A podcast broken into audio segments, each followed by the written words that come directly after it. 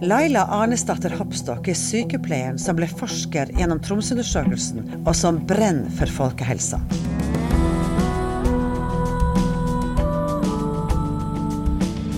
Observatoriet. En forskningspodkast fra UiT Norges arktiske universitet. Med Geir Hevnskjell Ringvold, mannen som lurer på det meste, og Marit Anne Hauan, som bokstavelig talt lever av fortellinger og en ny spennende forsker hver uke.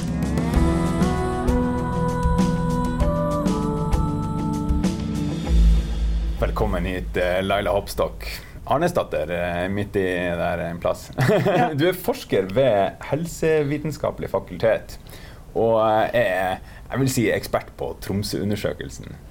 Og eh, Tromsøundersøkelsen eh, for den som ikke har hørt om det, kan jo høres ut som noe sånn litt sånn her eh, sånn lokale greier. Sånn, litt sånn navlebeskuende. Eh, ja, ja, nå skal vi, skal vi, sjekke hvor flinke vi er. Men uh, det her er altså en undersøkelse som har gått um, omtrent så lenge som universitetet har eksistert i Tromsø. Ja. Har du lyst til å fortelle litt om Tromsøundersøkelsen? Ja, det kan jeg gjerne gjøre. Tromsøundersøkelsen starta i 1974. Da var universitetet ungt. Det var mange tilflytta, både akademikere og andre, som kom til Tromsø da for å starte sant, eh, UiT. som det var, ikke sant? Og man eh, hadde også mange innenfor den medisinske sida, fordi det var behov for eh, sant, med den nye medisinutdanninga. Og man så fort et behov for å gjøre noe en, det var en epidemi som feia over eh, den nordnorske landsdelen der eh, på den tida. Og det var en overdødelighet av hjerte- og karsykdom.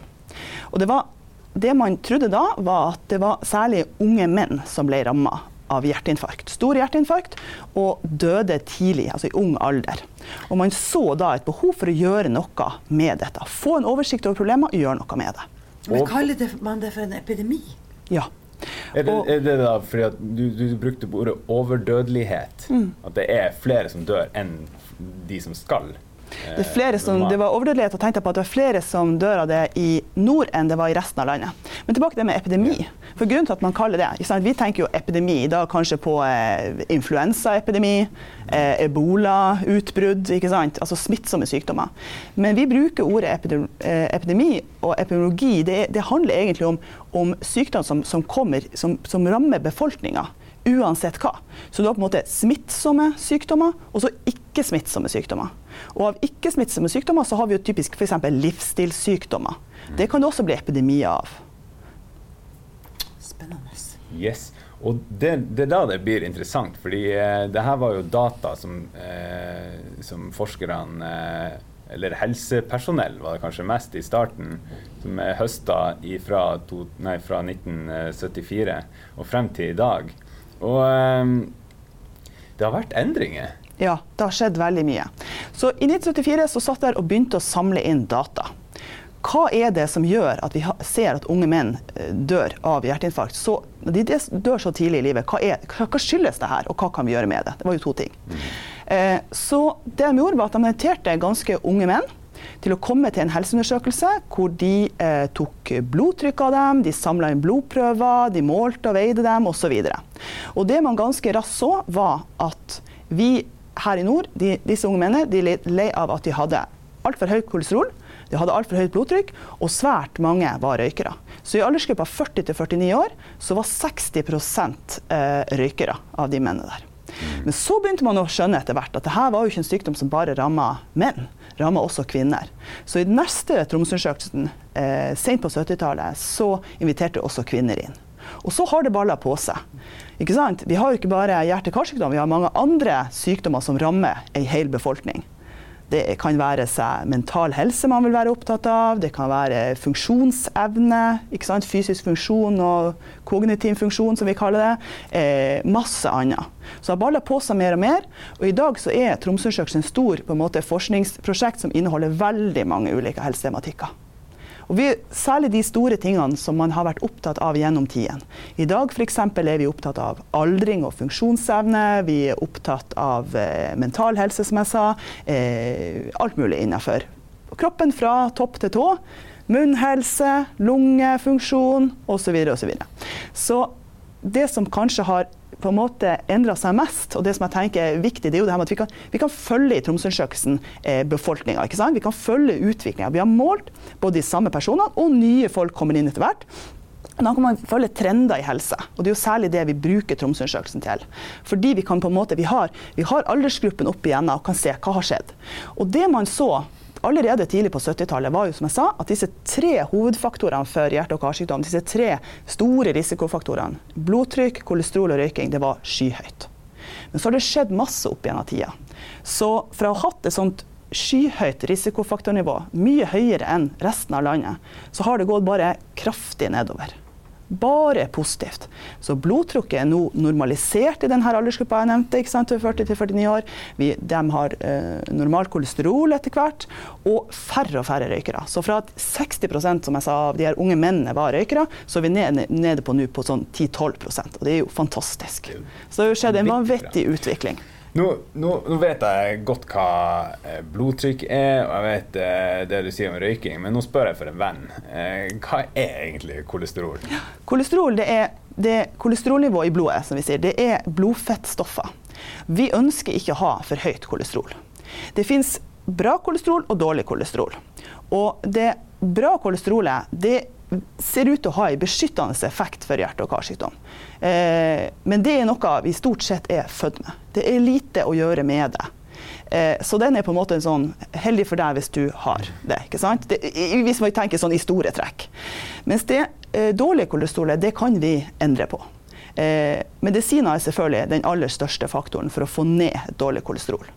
Sånn at vi ønsker jo f.eks. For, for de som har en, en, høy risikoprofil, de som går rundt og er litt tikkende bomber, ikke sant? De både ditt og datt og de, de krysser på alle punktene, de vil vi gjerne få trykt ned kolesterolet på. Så derfor så har vi medisiner vi kan bruke. Da. det noe med fedme å gjøre? Eller? Mange ganger så henger det sammen eh, overvekt og forhøya kolesterol. Det har jo stort sett å gjøre med matinntak, men også med, hvordan man ellers eh, lever. Mm. Fysisk aktivitetsnivå osv. Så, videre. så eh, men det kan også være helt uoppdaga. Man kan gå rundt med et forhøya kolesterol uten at man f.eks. har overvekt i tillegg. I 1974 da var det jo ingen av oss som kunne bokstavere kolesterol. Det var jo helt fremmed ord. Mm. Altså, hvordan, hvordan, kom man på at det hadde noen betydning, kolesterolet? Altså, Forskerne visste det, men de visste lite om denne fordelinga, og, og, man visste lite hva som påvirka kolesterolet, egentlig. Det gjorde man. Mm. Så man gjorde en del forsøk i den tida der. Men det som vi er opptatt av i dag, siden vi nå ser at vi, vi, For det første er dette faktorer vi kan gjøre noe med. ikke sant? Vi kan gjøre noen tiltak. En ting er medisinering, men vi kan også endre livsstil for å få ned blodtrykk, kolesterol og, og, gjøre noe med røyking.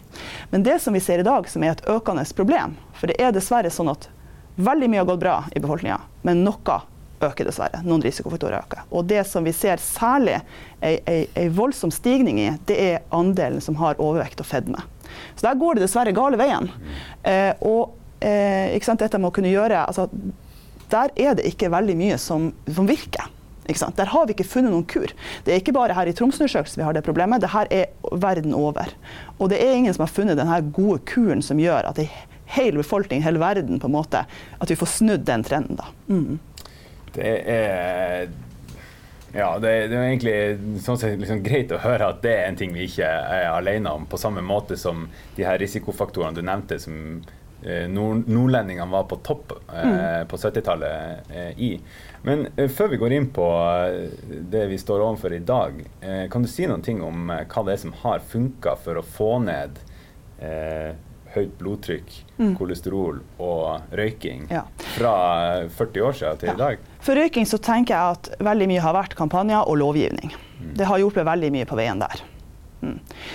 Når det gjelder blodtrykk og kolesterol, så er vi litt i et mysterium det er et paradoks at blodtrykk og kolesterol går ned når vekta går opp. Ja. For dette henger sammen. Det henger egentlig sammen slik at overvekt er, er, har sammenheng med at du gjerne har høyere blodtrykk og høyere kolesterol. Så det er veldig merkelig at vi har disse motsatte trendene.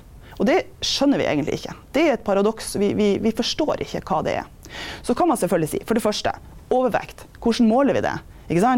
Eh, vi bruker BMI, eller kroppsmasseindeks, KMI på norsk hvor man sant, måler vekta i forhold til høyden. Og for veldig mange så slår det feil ut. Det er jo veldig mange som klager på BMI-en sin. Hei, jeg er jo ikke overvektig. Jeg har jo, ikke sant? Og så har jeg denne BMI-en som viser dette tallet her er jo altfor høyt for meg. Som, Tunge bein. Tunge bein. er jo- Eh, og til en viss grad er jo det sant. For en, for eksempel en mann som hvis han ikke har veldig mye høyde, men ganske mye muskelmasse, så slår BMI-en veldig feil ut for vedkommende. Så er spørsmålet er det virkelig sånn at vi har blitt så voldsomt muskuløse i løpet av denne tida. Det er jo ikke, ikke sant? Hva, er det, hva er faktoren? Vi har andre mål vi kan måle overvekt på. Vi kan snakke om hofte- og midjemål. Man ønsker jo at fettet eksempel skal være plassert lengre ned på kroppen, rundt lårene, og helst ikke rundt magen. ikke sant? Så vi kan bruke sånne mål for å måle overvekt.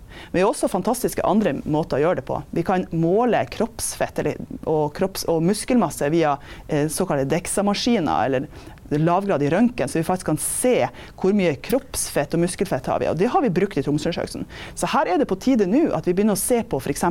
har denne endringa i kroppssammensetning noe med altså Så du tar et røntgenbilde og skanner ja. Så du, så du kan så liksom du kan se hvor, ja. hvor, og- Det blir veldig flotte bilder. Ja, det det, man må ha mye selvironi når man ser på de bildene og får vite hvor man har det, for å si det sånn. Så det er jo kjempeflotte bilder. Så det med å være innfeit, det kan dere f.eks. se når For eksempel, man er veldig tynn, så sier de nei, jeg er ikke så tynn, jeg er litt innfeit. Ja. Hva er det for noe? Altså at man, noen påstår at man har fettet inni kroppen, rundt uh, Organene, og det er ikke noe heldig, det. Nei, det er ikke noe heldig. Men det, har, det kan, Ja. du kan jo se. Det kan man altså. se på med en sånn maskin, ja. Så det er litt artig. Så jeg tenker at her er det Tromsøundersøkelsen bærer på en masse data. Vi har, som sier, Det er et stort paradoks. Hva er det som skjer med oss? ikke sant? Vi vil gjerne vite. Her går noe rett veien, noe går galveien. Og Tromsøundersøkelsen som har samla inn disse dataene år etter år etter år med blodprøver, ikke sant? med disse fysiske målingene, med disse kliniske undersøkelsene hvor man har gått i dybden, sett på ultralyd av hjertet, man har sett på ultralyd av halskarene her for å se om vi har plakk i blodårene. Vi kan følge utviklinga veldig godt over tid, veldig tett, og kan si mye mer etter hvert om hva er, hvor, hvordan er ståa, på en måte. Men for å gjøre en god undersøkelse på dette med hvorfor blodtrykket Altså hvorfor har blodtrykket forandra så må dere jo stille noen spørsmål om blodtrykk. Altså, når du, når du skal, hvis jeg skal komme Jeg var jo på den siste Tromsø-undersøkelsen. Takk og lov, det er den EU-kontrollen. Jeg er så fornøyd med at jeg blir innkalt. Men eh, det, må, det må skje noe under den undersøkelsen. Dere må ha noen tester for tenker jeg, hva, hva, slags, hva slags spørsmål eller hva slags tentative ideer Ja. hadde dere? La, oss ta eksempelet blodtrykk. da. Altså, vi har jo målt blodtrykket over tid. Det vi også har målt over tid, er jo medisinbruk. Så vi kan sammenstille de faktorene og se er det sånn at det er bare det at vi er blitt veldig mye bedre på å bruke medisiner. Før i tida var man kanskje sånn at eh, blodtrykket er litt høyt. Men det er jo ikke så farlig, og det er jo kanskje et eldre menneske, og det er jo ellers frisk, ikke sant? så vi gjorde ikke noe med det. I dag er man jo mye raskere inne og sier at her er blodtrykk for høyt, medisiner til deg. ikke sant? Sånn at vi kan se på medisinbruk, og den har helt klart endra seg i perioden. Vi ser jo det at medisinbruken har økt. Naturlig nok. Altså, vi, ser, vi er raskere inne og gjør noe. Vi vet at høyt blodtrykk er veldig skadelig. Over tid gjør det skade på, på kar. ikke sant? Eh, det som man Eh, det som Vi har sett var at vi med de analysene vi har, kan vi jo for si at ok, la oss nå se på blodtrykksutviklinga på de som aldri har tatt en tablett. Aldri har tatt blodtrykkssenkende. Vi kan jo skille dem fra seg. og jo, vi har jo masse mennesker å ta av, så det er jo ikke noe vanskelig. Selv der går blodtrykket ned. Hvorfor da? De har jo ikke fått medisiner. Det samme ser vi for kolesterol. Vi ser at kolesterol går ned hos alle. Og hvis vi nå tar bort de som har fått medisiner, for det er klart, medisiner gjør veldig mye med kolesterolnivået ditt. Hvis vi fjerner dem og bare ser på de som aldri har tatt kolesterolsenkende noensinne, så går kolesterol også hos dem ned. Hva er det? Det må være noe annet som hele befolkninga gjør. Det er et mysterium, egentlig. Vi vet ikke det. Man kan snakke om kost, ikke sant. Ja. Eh, kan det være slik at for blodtrykk så er det sånn at høyt saltinntak det er ikke bra for blodtrykket ditt.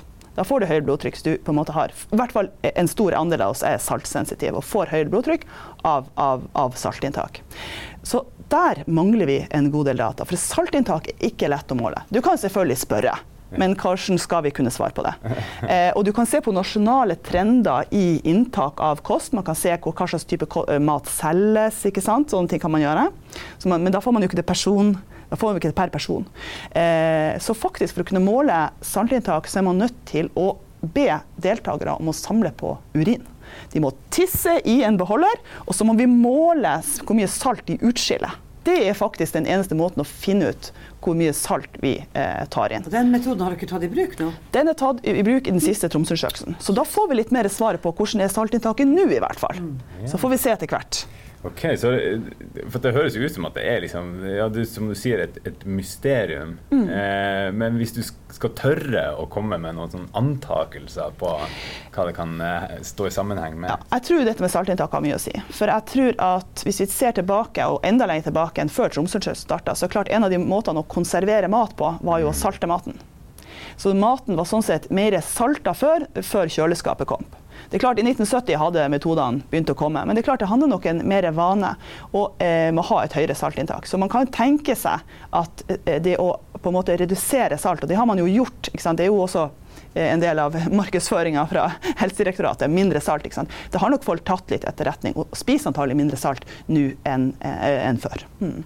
Men du, eh, vi som har en sånn litt hippieaktig fortid som vegetarianere Vi diskuterte jo og hadde i vårt kosthold noen fortellinger om hva, hvorfor vi spiste hva. Og eksempel så spiste vi jo grønne grønnsaker fordi at det var blodrensende, sa vi. Har det noe annet altså, eh, og da jeg var barn, så fikk vi jo ikke grønne grønnsaker annet om, om sommeren. Kanskje vi fikk en, en smakløs agurk til jul, men ellers så var det liksom ikke Og, og veldig hvite hodekåler. Men har det noe å si med at vi i dag har tilgang Ja. på friske grønnsaker Vi hele året? spiser definitivt mer friske grønnsaker og frukt uh, nå enn før, fordi vi har som du sier, denne tilgangen. Så det vet vi ganske mye om. Eh, så absolutt, det der med redusert salt, eh, mindre tilsatt salt eh, Dog spiser vi jo selvfølgelig altså, og gryteretter som inneholder mye salt, men det er en reduksjon i det tilsatte saltet i hvert fall i mat. Det tror vi. For det er jo gjerne en vane at man venner seg til et høyere saltsmak, ikke sant? og den kan reduseres. Og som du sier, tilgang til mye mer frukt og grønt som inneholder kalium og andre typer ting. Mm. Ja, så kan du redusere blodtrykket. Skal vi spør, altså, Leila, du er jo på Institutt for samfunnsmedisin. og Når jeg tenker på medisin, så tenker jeg jo på fastlegen min og gynekologen og barnelegen og øyelegen og ørelegen og liksom alle de her Ja. Spesialitetene. Men samfunnsmedisin vet vi på ryktebørsen er veldig sterk i Tromsø. Hva er samfunnsmedisin? Samfunnsmedisin er det er Blant annet så bruker man der metoden som jeg sa, epidemiologi. Vi snakka litt om, kort om det. Og det er jo litt artig. Jeg kommer fra eh, faget sykepleie. Jeg er sykepleier før. Jobba, innenfor, eh, jobba mye med pasienter som har hatt akutt hjerteinfarkt osv. Du jobber på f.eks. intensivavdeling. Mottar en pasient som, som har eh, veldig tydelig behov for en viss type sykepleierbehandling. Og det er én til én. ikke sant? Hva er viktigst for denne pasienten akkurat nå? Ep epidemiologi og det som er samfunnsmedisin, er på en måte å ta et steg tilbake fra den veldig pasientnære relasjonen til opp og på en måte heve blikket og se for seg en hel befolkning. En hel befolkning, F.eks. Hel, hele Tromsøs befolkning, hele Nord-Norge, Norge, verden. Eh, en gruppe av ungdommer, en gruppe av barn osv. Og, og prøve å, å trekke, liksom, eh, trekke seg litt opp. Så det er epidemiologi. Og Universitetet i Tromsø der har man fått til dette med samfunnsmedisin veldig godt. På Institutt for samfunnsmedisin så har man hatt store, gode og tunge befolkningsundersøkelser, deriblant Tromsø-undersøkelsen, som har på en måte evna å kunne samle data over lang tid og gjøre repeterte målinger både av det samme individet, samme person, men også nye grupper. Så man hele tida på, på, på en måte får en slags monitorere befolkninga og se hva, hvor er det skoen trykker, hva er det vi eh, hva slags problemer har vi, hva slags helseproblemer har vi, og hva kan vi gjøre med det. For det er jo først når vi vet hvor skoen trykker, vi kan på en måte gjøre tiltak. Men du, vi vet jo at Tromsø-undersøkelsen kommer på statsbudsjettet. Det er vi jo kjempekry av. ikke sant? De, de første som var under en sånn undersøkelse for 44 år siden, de, mange av dem er jo ikke blant oss lenger. ikke sant? Så vi er kommet gjennom noen generasjoner. Men hvorfor ble Tromsø- Tromsø-miljøet blitt så god på det? Hva er det som, hva er det som Jeg tror at i, i eh, universitetets fødsel da, og de årene som fulgte, så var det veldig mye motivasjon og arbeidsglede, og det var veldig mye dugnadsånd. Og Tromsø-undersøkelsen blant annet har jo da vært laga av veldig mye dugnad. Eh, veldig motiverte, engasjerte forskere samla seg. Her har vi et kjempeproblem, dette må vi gjøre noe med. Og så har jo problemene endra seg, som vi har snakka om. ikke sant? Det er ikke lenger eh, hjerteinfarkt hos unge menn som er hovedproblemet her. Vi har helt mange mange nye helseutfordringer som vi begynner å se. Og nye forskere har kommet til og interessert seg for f.eks. dette med aldring og eldre, eller mental helse, eller nyrehelse, lungefunksjon osv. Demens, osteoporose, store prosjekter som har kommet inn i Tromsøundersøkelsen. Så jeg tror at denne dugnadsånden og ønsket om å sant, bidra har gjort at vi har fått en veldig stor undersøkelse vi kan være veldig stolt av. Tromsøundersøkelsen er jo ikke den eneste i Norge i dag som har jobba med sant, innsamling av, av, av helsedata på denne måten. Det finnes andre også i landet. Men per i dag så er vi ganske vi liker å si i hvert fall at vi er den eldste pågående eh, befolkningsundersøkelsen av denne typen. Det er vi. Vi er den som har gjort flest undersøkelser. Vi er den best besøkte. Fordi eh, av de vi inviterer, så er, er, det mange som kommer. Og eh, som sagt best i landet på, på responsrate, da, som vi sier. Og så er vi kanskje den mest omfattende når det gjelder antall, altså type data vi får inn.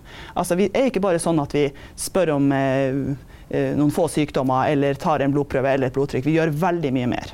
Og vi har vært inne på noen av de typen målingene vi har. Ja. Mm, Marit kalte det jo for en EU-kontroll, men det vil du være litt forsiktig med å ja, kalle det? Ja, eh, det er det ikke. Det er, vi må tenke på at Tromsøsjøs er et, et, forskningsprosjekt, et stort uh, paraplyprosjekt med mange små deler. Og mange av de som kommer inn, uh, uh, kommer jo inn fordi, av to grunner. Det er altruisme, det er tanken om å bidra i forhold til andre. Mange sier det, jeg har barn og jeg har barnebarn, har lyst til å bidra i forskninga sånn at det kan komme dem eller meg sjøl til gode. og så har du i tillegg det at mange føler at man får som du sier, en liten sånn EU-kontroll, man får vite litt om seg sjøl. Nå er det ikke en, en en fullgod sånn helseundersøkelse. Har man et helseproblem, så bør man absolutt eh, oppsøke sin fastlege. sant? Mens at noen har jo fått vite ting som kan være interesse likevel. Vi har screena for diabetes f.eks. Eh, man har gjort ganske nøye hjerteundersøkelser. Det har jo vært personer som har kommet frisk til Tromsøundersøkelsen og faktisk blir sendt direkte til UNN som en sånn eh, ikke pga. at man faktisk har et helseproblem. Men de er i fåtall, og de fleste trenger ikke å være redde for å komme til Tromsøundersøkelsen og, og, og, bli syk. Nei, men det, vi får jo alle sammen, vi fikk jo alle sammen som var med, vi fikk et skjema tilbake ja. med våre verdier. ikke sant? Mm. Og da kunne vi jo liksom se Liksom karakterer? Ja, ja karakterer. Og det var jo en veldig sånn nyttig ting å gå til sin egen fastlege ja. med. Når man kom neste gang, så skal jo fastlegen min skjema og sa hva, hva, hva, betyr det her, skal jeg mm. gjøre noe? ikke sant? Det er noe jeg skal tenke med. Så du kan si at den har jo den viktinga at man begynner å tenke på helse på en annen måte også. Um, sånn, men skal vi, skal vi, gå litt tilbake til dette med overvekt? For ja. Det er jo litt uh, et, en skummel sak. En dame på min høyde og bredde fikk jo også beskjed om at hun var overvektig. Mm. Men, men, det er jo den der BMI-en som eller kroppsmasseindeksen som, som, som uh, Eller på den skalaen. Som kan slå feil ut for enkelte av oss. Ja. Absolutt, absolutt. Det er helt i orden, mann. Det trenger som påminnelse. ja, ja. Det ser ikke ut som det var helt i orden, Marne. Ja, greit. men, uh, men så det, det trigger litt dette her. Hva Altså, hvordan skal, snakke, hvordan skal, vi snakke, om overvekt? Ja, det er... Um, altså jeg tror ikke vi skal gjøre det veldig vanskelig. Vi må selvfølgelig tenke oss hvilket begrep vi bruker. Overvekt er et relativt, kanskje nøytralt begrep som vi kan bruke. Eh, og eh, jeg tenker at eh, når vi vet nå at sant, tilbake på 70-tallet så var gjennomsnittlige BMI rundt 25 for både menn og kvinner. Det betyr normal BMI. Og så har det bare økt og økt. Og Nå har vi en eh, Gjennomsnittet av oss er overvektig. Det betyr at dette er ikke et problem som noen få har. Dette er et problem som gjennomsnittsbefolkninga har. De fleste av oss har dette problemet. Så sånn sett burde det ikke være noe vanskelig å snakke om. Eh, spørsmålet er hva skal vi gjøre med det? Eh, trenger vi å gjøre noe med det? Mener, hvis vi både har lavere kolesterol enn vi noen gang har hatt, lavere blodtrykk, og, og nu, i nylig har vi fått vite at det faktisk ikke er flere som har diabetes heller, så hva i all verden? Kanskje vi bare skal gå rundt sånn? Det er jo ikke kanskje noe kjempestort problem. Men vi tror jo at overvekt over tid kan skape andre problemer. Det er muskel- skjelettsykdommer, og etter hvert også kanskje altså Noen har jo sagt får vi en ny epidemi med hjerte- og karsykdom. Ikke sant? Altså, har jo vært, ikke sant? Så det er klart at vi bør gjøre noe med det. Så vi, eh, det vi jobber med i Tromsøundersøkelsen, er å få kartlagt, altså, kartlagt kosthold. Det er ganske nytt nå. Vi på en måte får en bedre oversikt over kostholdet. Og vi kartlegger og måler fysisk aktivitet mye mer nøye enn vi har gjort før. For å få litt oversikt over altså, er det her det ligger. For vi vet at fra andre forskere har jobba med dette her å se på at vi sitter mye mer stille på jobb. Men hvordan er det i fritida f.eks.? Klarer vi å kompensere for dette? Klarer vi å være med? Det er jo veldig få av oss i dag som har manuelt arbeid og står og? Det er, det er veldig lite ut av det. Vi vet at vi er mye stillesittende. Er det noe der? Kan vi forske mer? Så vi måler fysisk aktivitet objektivt. Og bruker vi sensorer for å måle fysisk aktivitet. Og da får vi et mye bedre svar enn hvis vi spør noen. For det er klart at hvis vi spør om hvor fysisk aktiv er du, så vil de fleste si at man er mer fysisk aktiv enn jeg. Man vil gjerne gi et godt bilde av seg sjøl. Det samme er hvis man spør om røyking eller alkoholbruk. De fleste vil gi et positivt bilde. Så vi må bruke sensorteknologi for å finne mer ut av det. Mm. Skulle man tro folk sin sånn, egendokumentasjon på uh, fysisk aktivitet, skulle man tro at uh, folk bodde på fjelltoppene rundt Tromsø. For det er mye bilder i sosiale medier. det er jo det. Men uh, er det ikke så enkelt som bare altså spise litt mindre og trene litt mer? Nei, det tror jeg ikke det. Da hadde vi ikke hatt det problemet. Ikke sant? Det kan vi jo bare si. Altså, så enkelt er det jo ikke. Ellers så hadde ikke hele verden eh, nå gått i den retninga å være overvektig sånn som det er i dag. Så det er overhodet ikke noe sånn quick fix. Eh, vi vet jo for så vidt at alle dietter virker. Også iskremdietten eller sjokoladedietten vil jo virke. Det jo handler om å på en måte holde seg til den dietten. Men det er jo ingen av oss som har lyst til å leve på en diett. Eller kan det. Altså. Sånn at jeg tror at det, det, det, hvor, Hva skal vi gjøre med det? Det er ennå ikke klart for oss. Men det finnes jo etter hvert veldig mye hjelpemidler. Jeg tenker at vi må på en måte se hva det er. Og dette med å bruke f.eks. ny teknologi. Eh, I dag er det jo veldig mange som går rundt med sånne fitnessband og vet egentlig ganske mye om sin eget aktivitetsnivå. En bevisstgjøring. Sånn at jeg tror at vi etter hvert begynner å få litt mer oversikt over feltet, i hvert fall. Mm. Men øh tiltak da, som gjøres, er, er, det noe dere tar del i? Altså, nå, nå, sier du at det, det, som funka fra 1974 frem til i dag, det egentlig kan ikke tilskrives noen kanskje annet enn røykelovgivning og sånt. Eh, hva er det slags tiltak som fungerer? Mm. Ja, vi, så også, ja, vi så også at medikamentbruk har, har hatt noe å si. Det sant, det eh, men, eh, men, eh, tiltak som fungerer for det vi står overfor nå, det er nok mye det at vi må bevisstgjøres på vår livsstil, vil jeg tro. Og, og, og, og så er det dette at vi vi også har eh, sosial ulikhet i helse. Og vi har også noe som gjør at sant, hvis du, eh, myndighetene kommer med anbefaling om fysisk aktivitet og anbefaling om kostråd, spørsmålet er hvem de snakker til. Eh, og dette her f.eks. at vi eh, har ei gruppe av oss som allerede er ganske sunn. Eh, de blir bare enda mer eh, engasjert, og nå er det både ultraløp og det, altså det, du, du bare, det, bare, det bare eskalerer. Det er, sånn, det, det er veldig bra, men, men, hva med alle oss andre som ikke er med på det toget der? Eh, så det er noe på, på, alle skal med, og at vi slipper å få enda mer økt ulikhet i helse. Da, at vi har noen grupper som vi, vi, ser jo det, og at vi fortsatt har dette at f.eks. røykeandelen er størst hos de som har lavest utdanning utdanning og vekst, selv om alle blir mer overvekt i alle sosiale lag, så er det de som har lavest utdanning, har eh, fortsatt den største andelen av overvekt. Så det å på en måte få med hele befolkninga, det tror jeg er et virkelig viktig i tida som kommer. Mm. Men du, eh, du er jo, ser jo veldig sunn og frisk ut, og du er veldig ivrig og engasjert i din forskning. Men hvordan, hvordan ble du sykepleier? Hvordan, hvordan fikk du den interessen? for ja. Nei, jeg var ganske klar når jeg var ung at hadde, det var to ting jeg aldri skulle jobbe med. Det ene var at jeg aldri skulle jobbe med noe innen helse.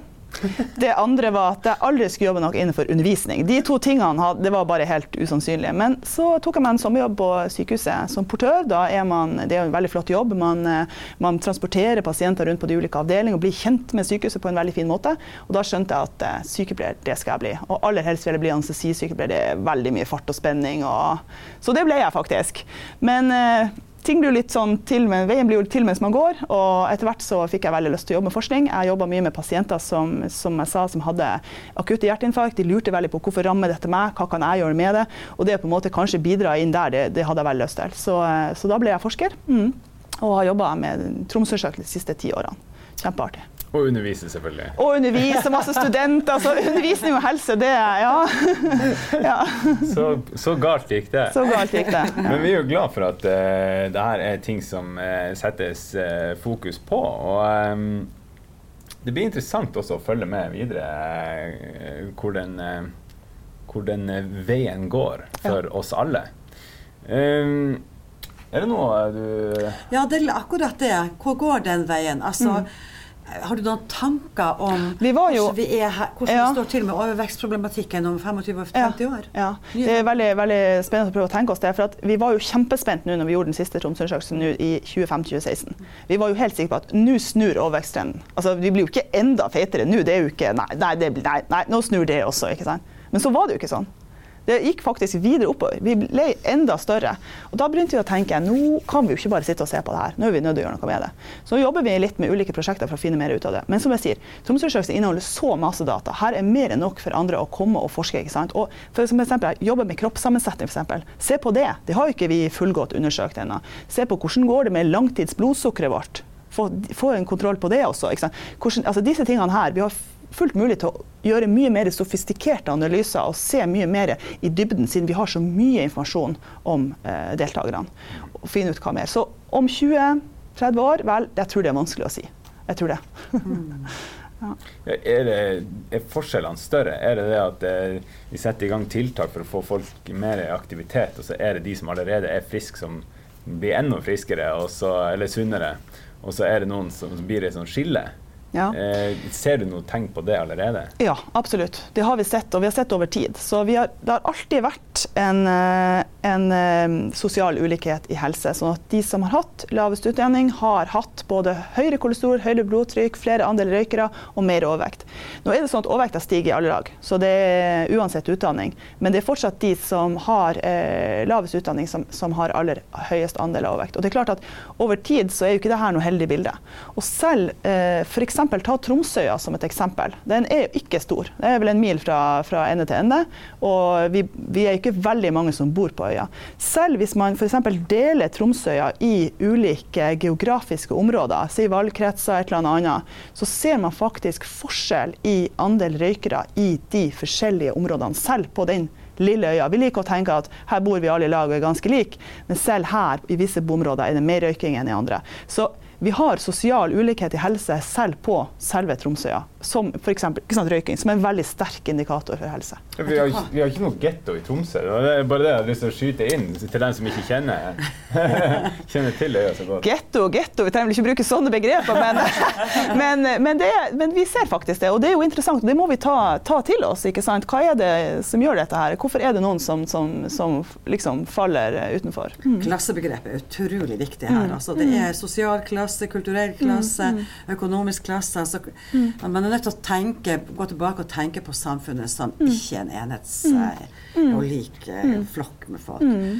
Men du, jeg er altså så glad for at du er så ung som du er. For nå kan du passe på meg helt til jeg forsvinner ut i den evigheten. Ja, vi... Og fortsette med dine store undersøkelser på, gjennom Tromsø-undersøkelsen sitt materiale. Og jeg gleder meg til å bli innkalt om seks år. Ja. takk skal du ha, Laila. Ja, takk.